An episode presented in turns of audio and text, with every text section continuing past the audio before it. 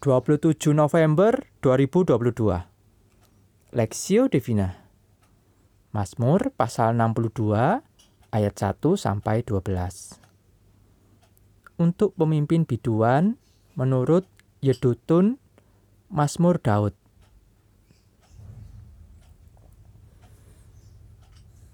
Hanya dekat Allah saja aku tenang. Daripadanya lah keselamatanku. Hanya dialah gunung batuku dan keselamatanku. Kota bentengku. Aku tidak akan goyah. Berapa lamakah, berapa lamakah kamu hendak menyerbu seseorang? hendak meremukan dia, hai kamu sekalian, seperti terhadap dinding yang miring, terhadap tembok yang hendak roboh. Mereka hanya bermaksud menghempaskan dia dari kedudukannya yang tinggi. Mereka suka kepada dusta. Dengan mulutnya, mereka memberkati tetapi dalam hatinya mereka mengutuki. Selah. Hanya pada Allah, hanya pada Allah saja kiranya aku tenang. Sebab daripadanya, sebab daripadanya lah harapanku. Hanya dialah gunung batuku dan keselamatanku. Kota bentengku, aku tidak akan goyah. Pada Allah ada keselamatanku dan kemuliaanku. Gunung batu kekuatanku, tempat perlindunganku ialah Allah. Percayalah kepadanya setiap waktu, hai umat. Curahkanlah isi hatimu di hadapannya. Allah ialah tempat perlindungan kita. Selah. Hanya angin saja orang-orang yang hina. Suatu dusta saja orang-orang yang mulia. Pada neraca mereka naik ke atas mereka sekalian lebih ringan daripada angin. Janganlah percaya kepada pemerasan. Janganlah menaruh harapan, janganlah menaruh harap yang sia-sia kepada perampasan. Apabila harta makin bertambah, janganlah hatimu melekat padanya. Satu kali Allah berfirman, dua hal yang aku dengar bahwa kuasa dari Allah asalnya dan daripadamu juga kasih setia ya Tuhan.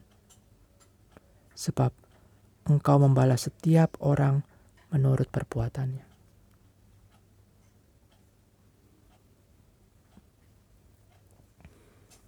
Ketenangan di tengah ketegangan perspektif. Hanya dekat Allah saja aku tenang, daripadanya lah keselamatanku. Hanya dialah gunung batuku dan keselamatanku, kota bentengku, aku tidak akan goyah. Mazmur pasal 62 ayat 2 sampai 3. Dunia menawarkan berbagai sumber ketenangan jiwa manusia, yaitu harta, kedudukan, koneksi, juga popularitas. Bila memiliki hal-hal tersebut, kita seakan-akan tidak perlu takut menghadapi masalah seperti kesehatan, keuangan, dan keamanan. Pemikiran di atas ternyata berbeda dengan pengalaman hidup dan keyakinan Daud. Mazmur 62 merupakan gubahan seorang yang sedang mengalami masalah serta ancaman. Sebenarnya Daud adalah seorang pemberani yang tidak gampang mengalami ketegangan hidup. Daud tidak gentar melawan musuh-musuhnya di depan di medan peperangan melawan bangsa-bangsa yang tidak menghormati Allah. Namun berulang, namun berulang kali juga Allah mengizinkan Daud mengalami ancaman musuh dan seakan-akan tidak ada lagi pertolongan baginya. Di tengah ketegangan hati, ia berseru, "Hanya dekat Allah saja aku tenang." Apa yang diucapkan Daud ini bukanlah perkataan kosong belaka, tetapi hasil pengalaman hidupnya yang panjang bersama dengan Allah.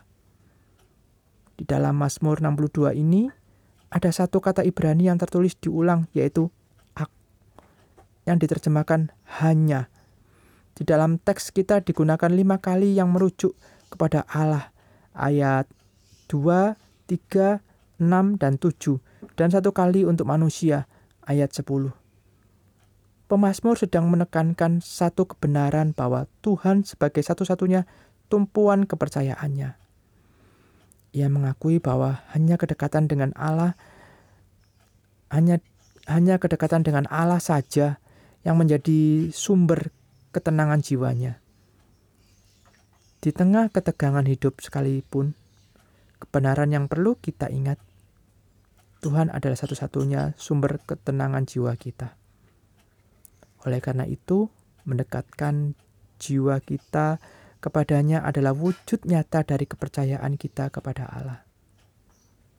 C.S. Lewis dalam buku The Great Divorce menuliskan, ketika manusia semakin menjauh dari Allah, mereka menjadi semakin tidak realistis. Di tengah kondisi hidup kita yang dikelilingi ketidakpastian, perubahan, dan tekanan, bagaimana sikap hati kita? Marilah kita mencari Allah, mendekatkan jiwa kita kepadanya. Itulah bukti keyakinan bahwa Allah adalah sumber ketenangan jiwa kita. Studi pribadi, bagaimana seharusnya sikap kita saat menghadapi ketegangan hidup. Apa yang bisa kita pelajari dari Mazmur ini?